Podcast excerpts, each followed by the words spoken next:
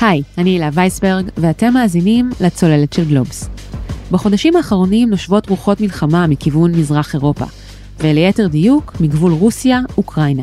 לפי הערכות, יש כבר 100 אלף חיילים רוסים שפרוסים בסמוך לגבול, מחכים לאות לפלישה שיגיע, ואולי לא יגיע, מנשיא רוסיה ולדימיר פוטין. יכול להיות שבזמן שאתם מאזינים לפרק הזה, הפלישה הרוסית לאוקראינה כבר התרחשה. הפעם זה לא רק חצי האי קרים האוקראיני שרוסיה סיפחה עליה ב-2014, מהלך שלא הוכר בידי הקהילה הבינלאומית. מדובר במשהו הרבה יותר גדול. If it is a bluff, Russia keeps going all in, with more troops heading to Ukraine's border. And late tonight, President Biden saying he's going to shift U.S. troops in response. לתפיסתם של הרוסים, אוקראינה הייתה ותמיד תהיה בשר מבשרה של אימא רוסיה. והאוקראינים הם ממש לא בעניין. צבא אוקראינה ואפילו גדודי מתנדבים מתחמשים ומתארגנים בשבועות האחרונים כדי להגן על המולדת.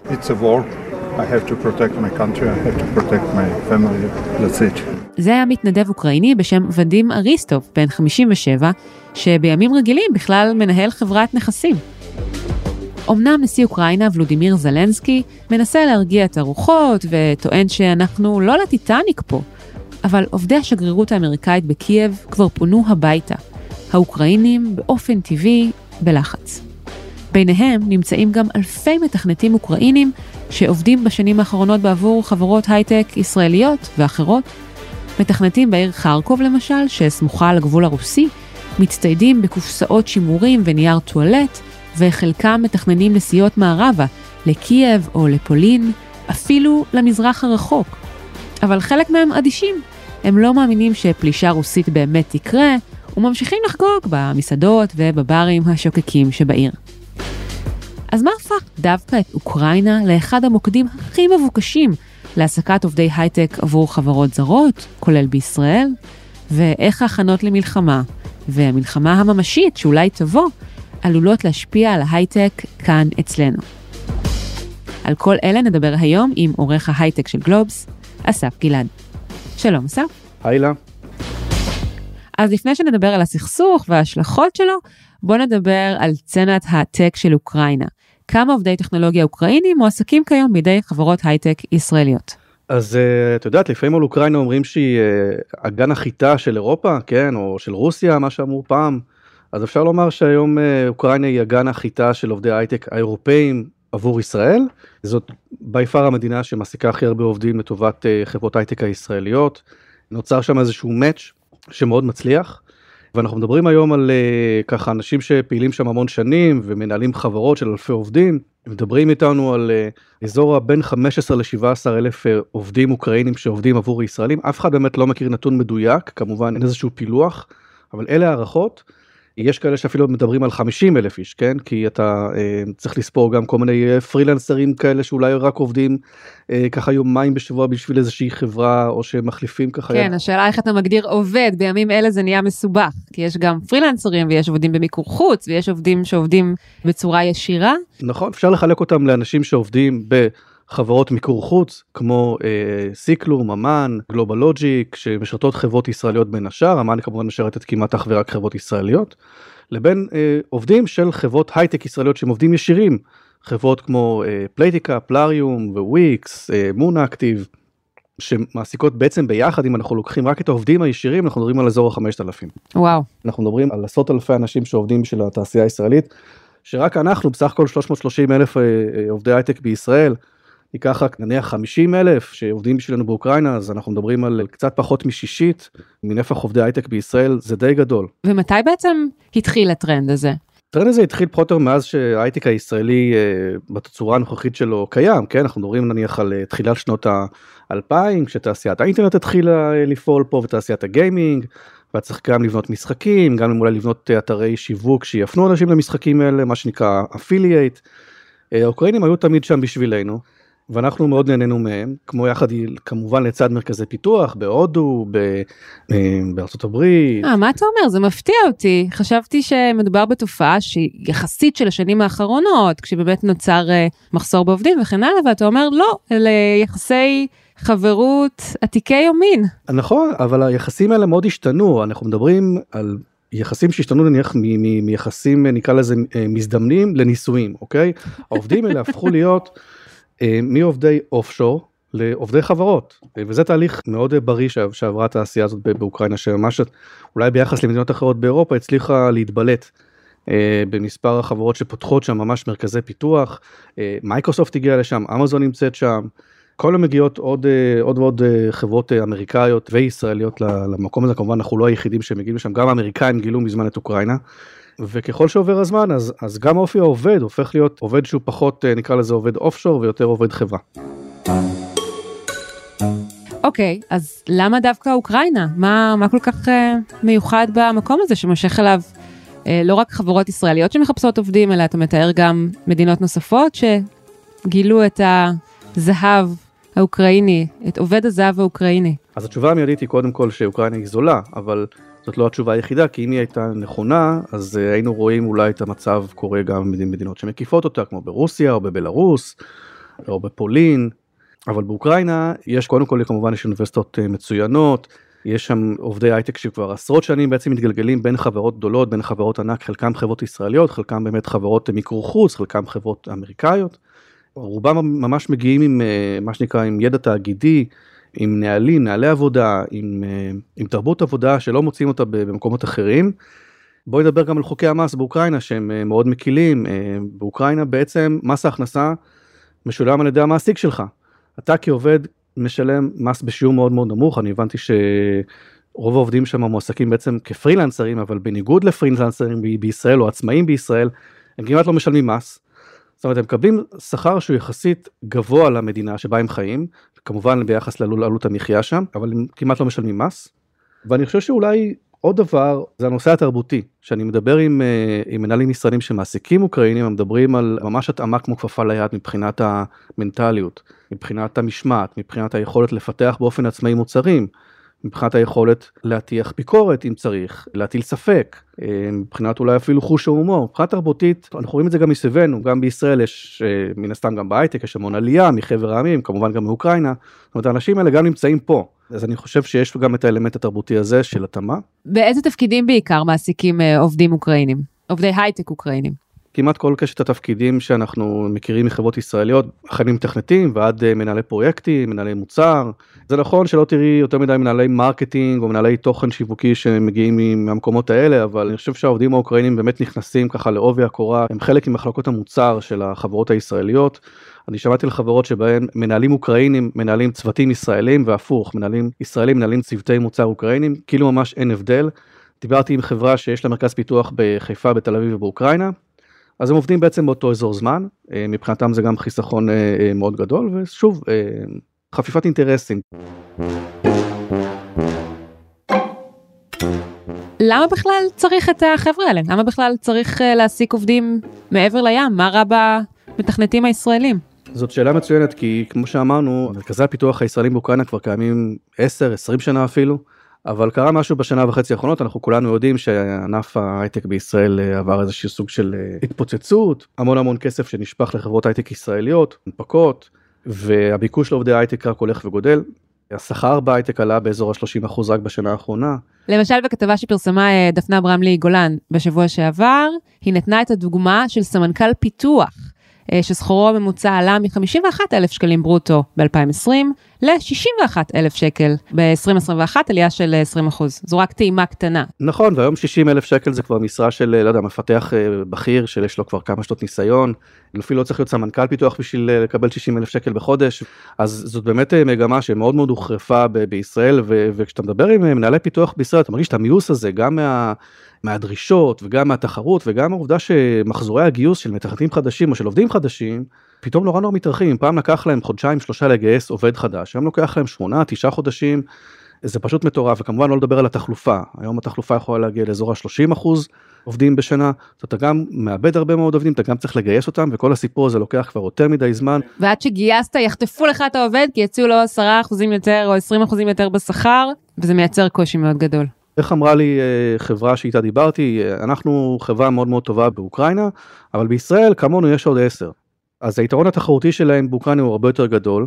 באוקראינה יש גם הרבה יותר חדי קרן שנכנסים אליהם עכשיו, אבל עדיין התחרות היא קצת יותר מצומצמת. השכר אה, באוקראינה הוא עדיין באמת הרבה יותר זול, אה, למרות שהשכר גם פה וגם שם, כמו בכל העולם, עולה אה, בקצב מאוד מאוד גבוה בתחום ההייטק. אז כן, אפשר למצוא באוקראינה עדיין עובדים שהם נניח ב-50% ממחיר העובדים בארץ, או אפילו ב-60% לפעמים. ואנחנו מדברים באמת על על כל סוגי התפקידים, החל מעובדים פשוטים נקרא לזה ככה ועד מנהלים. אז בוא נמחיש את זה קצת באמצעות נתונים שפרסמת אתה בכתבה שלך. למשל מפתח תוכנה מסוג full stack, כמה הוא ישתכר בישראל, כמה הוא ישתכר באוקראינה, בדרג ביניים, בדרג בכיר. אז בדרג הבכיר, אה, אם בישראל אנחנו מדברים על, אה, על מפתח full stack אה, באזור עשרת אלפים דולר בחודש, באוקראינה הוא יכול לקבל 5,500 דולר בחודש, אנחנו מדברים בדולרים כי אלה המונחים של אוקראינה. חצי מהמשכורת, זאת אומרת אנחנו מדברים על פערים של, של 50 אחוז. נכון, אנחנו מדברים אגב על, על שכר נטו. אם אנחנו מדברים על שכר הברוטו, אז ההבדלים הם אפילו יותר משמעותיים, כי באוקראינה, שבה בעצם עובדים צריכים להיות פרילנסרים בתחום ההייטק, עובדים בעצם פרילנסרים, הם מקבלים מהמעסיק הרבה פחות. המעסיק אומנם משלם להם מס הכנסה, אבל את כל השאר הם בעצם צריכים אה, אה, להשיג בעצמם, לרכוש בעצמם. עלות המעסיק יותר נמוכה, יש פחות הוצאה לזכויות סוציאליות, או כמעט אין בכלל. אז כמו שאתה אמרת, אסף, הקורונה רק האיצה את התהליכים האלה ואמר לך, אה, אלון בן נון, המנהל הגלובלי של חטיבת ההייטק והאופשור בקבוצת אמ"ן, הקורונה חידדה את ההבנה שאין הבדל בין מתכנת שעובד מהבית בתל אביב, לבין כזה שיושב באוקראינה. לגמרי. אה, הקורונה טשטשה את הגבולות, ושוב, בהנחה ואנחנו מדברים על אותו אזור זמן, אז בכלל כבר אין כמעט הבדל, אולי חוץ, מ... חוץ מהבדל של שפה. כן, את רואה היום חברות שעושות ישיבות יחד עם העובדים באוקראינה, ועובדים בתל אביב, ועובדים בירושלים, עובדים בחיפה. וואו. וכולם מדברים כאילו הם נמצאים באותה מדינה. נשמע כמו השידוך משמיים שכזה, אבל אני חייבת להגיד שסקרן אותי מאוד לדעת מה לגבי המודל המסורתי של מיקור חוץ, נניח שאתה יודע, רואים אותו עדיין בכל מיני מוקדי שירות אמריקאים כאלה של עובדים שנמצאים למשל בהודו, למה אה, זה פול עובדים שלא מביאים אותו בחשבון? אה, זה בסוף שאלה של התאמה תרבותית אני חושב, והרבה מאוד אה, חברות הגיעו למסקנה שאולי עדיף להם לעבוד עם תרבויות, בתוך תרבויות מסוימות יש, יש מעגלי עבודה יותר קצרים. יותר יעילים עם, אה, עם תרבויות עבודה מסוימות, אה, כמובן בלי לפגוע בעמים ובמדינות כאלה וכאלה ואחרות. אבל אני חושב שההייפ הזה של מרכזי פיתוח בהודו אה, קצת חלף מן העולם. וואלה. יש כמובן חברות שעדיין מחזיקות מרכזי פיתוח בהודו, אבל את לא רואה את הצמיחה הזאת שם, לאו לא דווקא בהודו, זה יכול להיות בכל מדינה אחרת, נניח במזרח אסיה, ביחס למה שאת רואה במזרח אירופה. נראה שחברות ההייטק כאן בישראל נדלקו על המודל הזה, והוא באמת הולך וצובר תאוצה. למשל, דיברת עם יובל בונן, מנהל פיתוח בחברת תוכנה ישראלית, היא עוסקת בחיזוי כשלים בתחום האלקטרוניקה. הוא אמר לך שבחצי שנה האחרונה החברה הגדילה את מרכז הפיתוח באוקראינה אה, ל-50 אנשים. היינו חייבים לגייס טאלנטים. אחרי שפתחנו מרכז פיתוח בחיפה ובתל אביב, הבנו שכדי להמשיך לצמוח, היינו חייבים לעשות זאת בחו"ל. אם בישראל על כל 100 קורות חיים שקיבלנו, אנחנו שוכרים אולי חמישה, באוקראינה קיבלנו מועמדים מעולים, וכמעט כל מי שבחרנו לראיין בסוף, קיבלנו לעבודה. אז המודל הזה עבד היטב, אבל לפני כמה חודשים, פחות או יותר סביב אוקטובר, החלה היערכות למלחמה בציר קייב מוסקבה. זה קרה על רקע החשש של פוטין מעוד התקרבות שבין אוקראינה למערב, ובמיוחד סביב הצטרפות אפשרית של אוקראינה לברית נאט"ו, ברית צבאית בין 30 מדינות צפון אמריקה ואירופה. אז אסף, ככל שההיערכות לפלישה רוסית הלכה והתקדמה, מה קרה לצנת העתק השוקקת שתיארנו קודם? אילו עובדים ואילו חברות נמצאות בסיכון? אז כדי לענות על השאלה הזאת צריך לפתוח את מפת אוקראינה ולראות את נהר הדניפר אה, זורם לו במרכזה. בעצם כל מה שמדובר על מזרח אוקראינה, שאנחנו מדברים בעיקר על ערים כמו חרקוב, דניפר שממש נמצאת על הנהר ומריופול אלה מה שנקרא ערים בסיכון. מצד שני שמות שאנחנו מכירים אולי אפילו יותר טוב כמו קייב, אודסה, לבוב אלה דווקא ערים שנמצאות בסיכון נמוך. אמ, אז בואו נסתכל רגע על מפת החברות הישראליות שנמצאות באוקראינה ונראה שמי שנמצאות יותר באזור חרקוב יש לנו שם מרכז פיתוח גדול של חברה בשם פלאריום חברת gaming ישראלית שנוסדה על ידי אה, חבר'ה ישראלים שנולדו בגיאורגיה אה, היא מעסיקה שם באזור ה-816 אה, עובדים, ויש עוד חברות שנמצאות ככה באזורים המזרחי, כמו פלייטיקה וויקס, פייבר, יש לה בסך הכל 40 עובדים בכל אוקראינה, אבל יש המון פרילנסרים שעובדים במדינה הזאת נותנים שירות ללקוחות פייבר, ואנחנו מדברים בעצם על, על, על, על מסה של מאות עובדים, וכמובן לא ספרתי אפילו את עובדי החברות ה-outsource שגם כן נמצאות שם, שהחברות האלה כמובן משרתות כל מיני חברות אחרות. אבל במצב חירום כולם כולם יצטרכו בעצם אה, לטכס עצה ולמצוא איזשהו פתרון אה, המשכיות לעבודה שלהם. זהו, מה עלול לקרות לאותם עובדים במקרה של אה, פלישה רוסית לאוקראינה? כשאתה מדבר עם חברות אז הן מדברות בדרך כלל על תוכניות פינוי, תוכניות המשכיות עסקית, בעיקר החברות הגדולות, כל החברות שמעסיקות אלפי עובדים שאולי אפילו נשלטות מבחוץ, שהן לא חברות אוקראיניות אלא חברות בריטיות או ישראליות או אירופאיות. חייבת להיות להם מה שנקרא תוכנית המשכיות עסקית זה נקרא.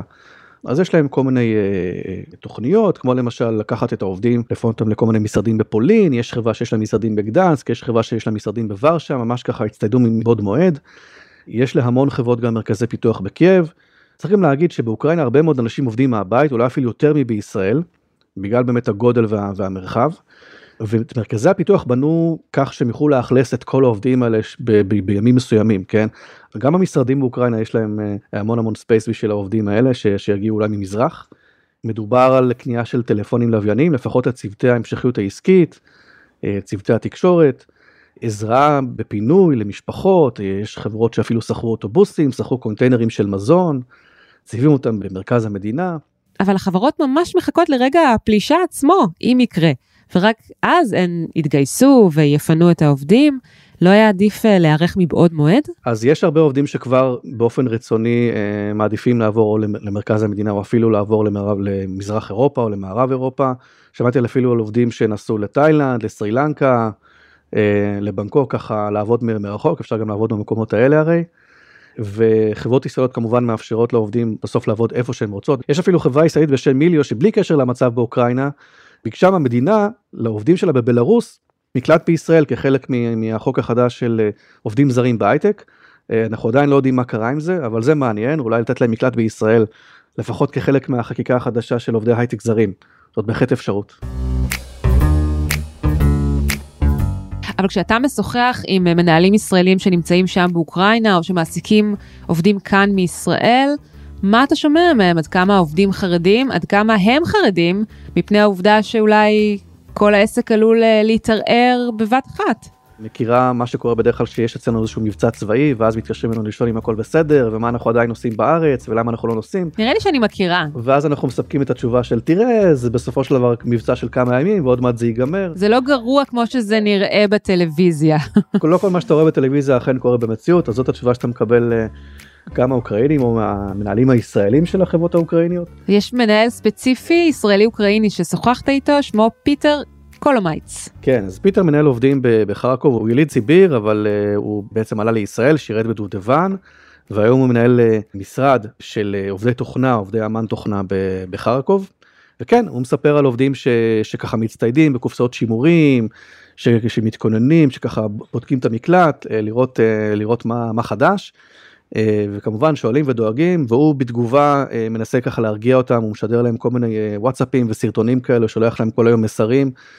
שהוא גם שומע מהחברים שלו ברוסיה שמרגיעים אותו ואומרים תקשיב ברוסיה אין תמיכה למלחמה. או החברים שלו בישראל ש, שככה מנסים לנחש מה היו המהלכים הצבאיים הבאים של פוטין.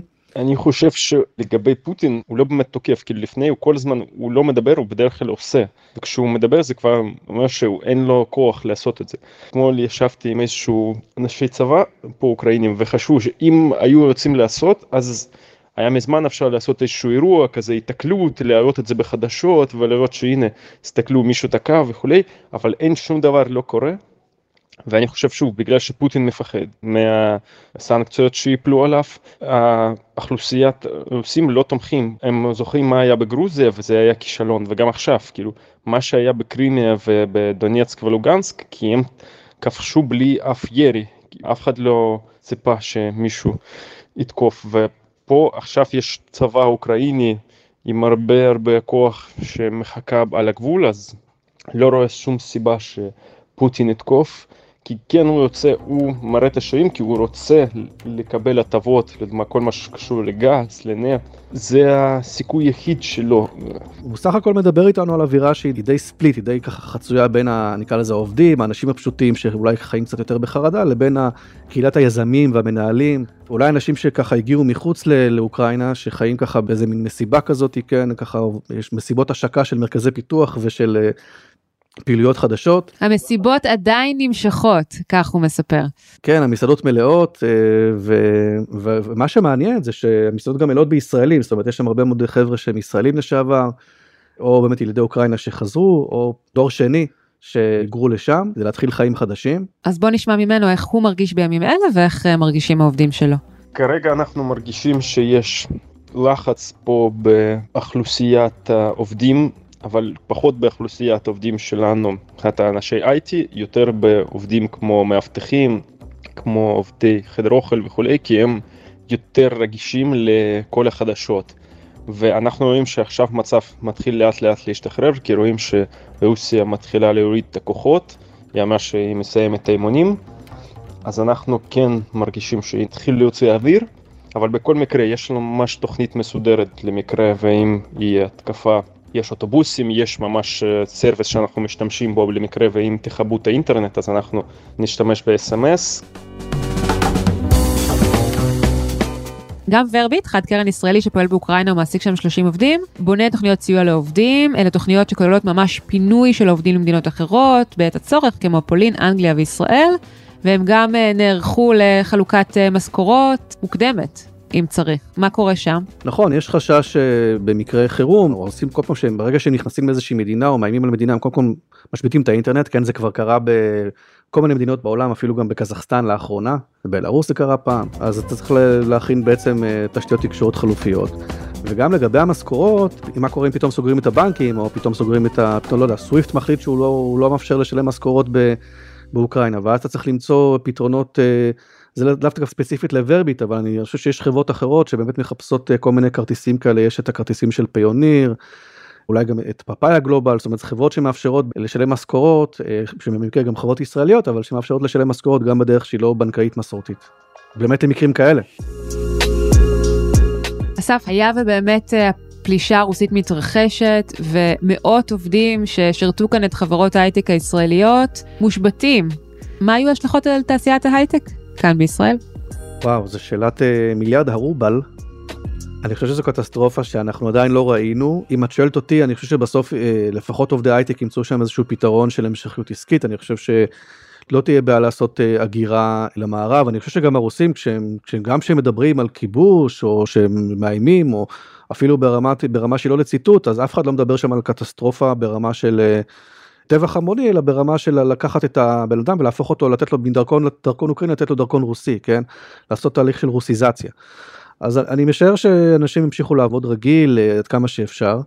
אני חושב שההשפעה היא לא תהיה כל כך קטסטרופלית אנשים ימצאו פתרונות גם האוקראינים כמו הישראלים מוצאים פתרונות ובאמת מי שלא אז אני מניח שאפשר יהיה לנסוע לכמה שבועות לפולין או, או לישראל או לתאילנד והכל יהיה בסדר. ובהנחה שבאמת בעוד נניח כמה חודשים החיים יחזרו למסלולם וחברות ההייטק הישראליות ימשיכו להיעזר ולשכור עובדים מעבר לים, בעיקר באוקראינה.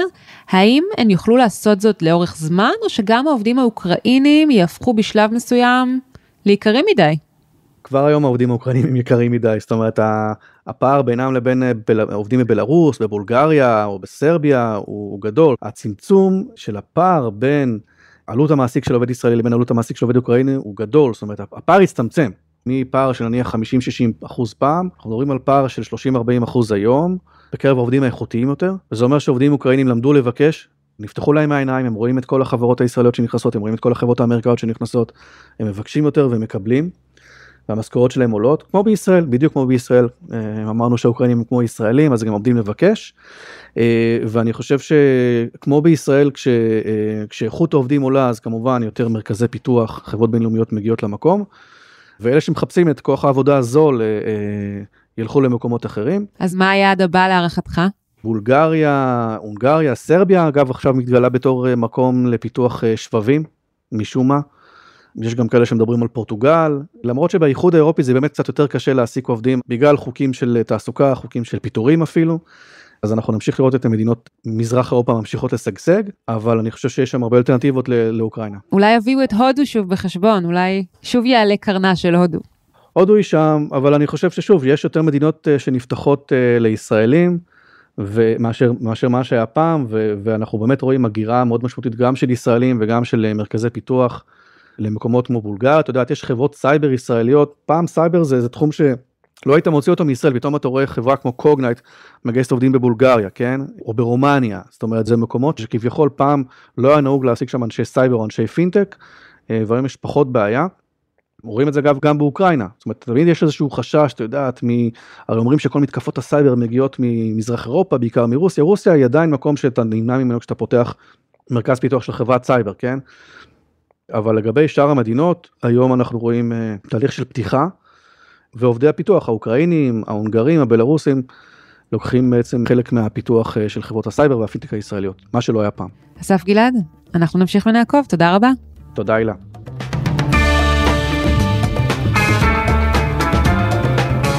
עד כאן עוד פרק של הצוללת.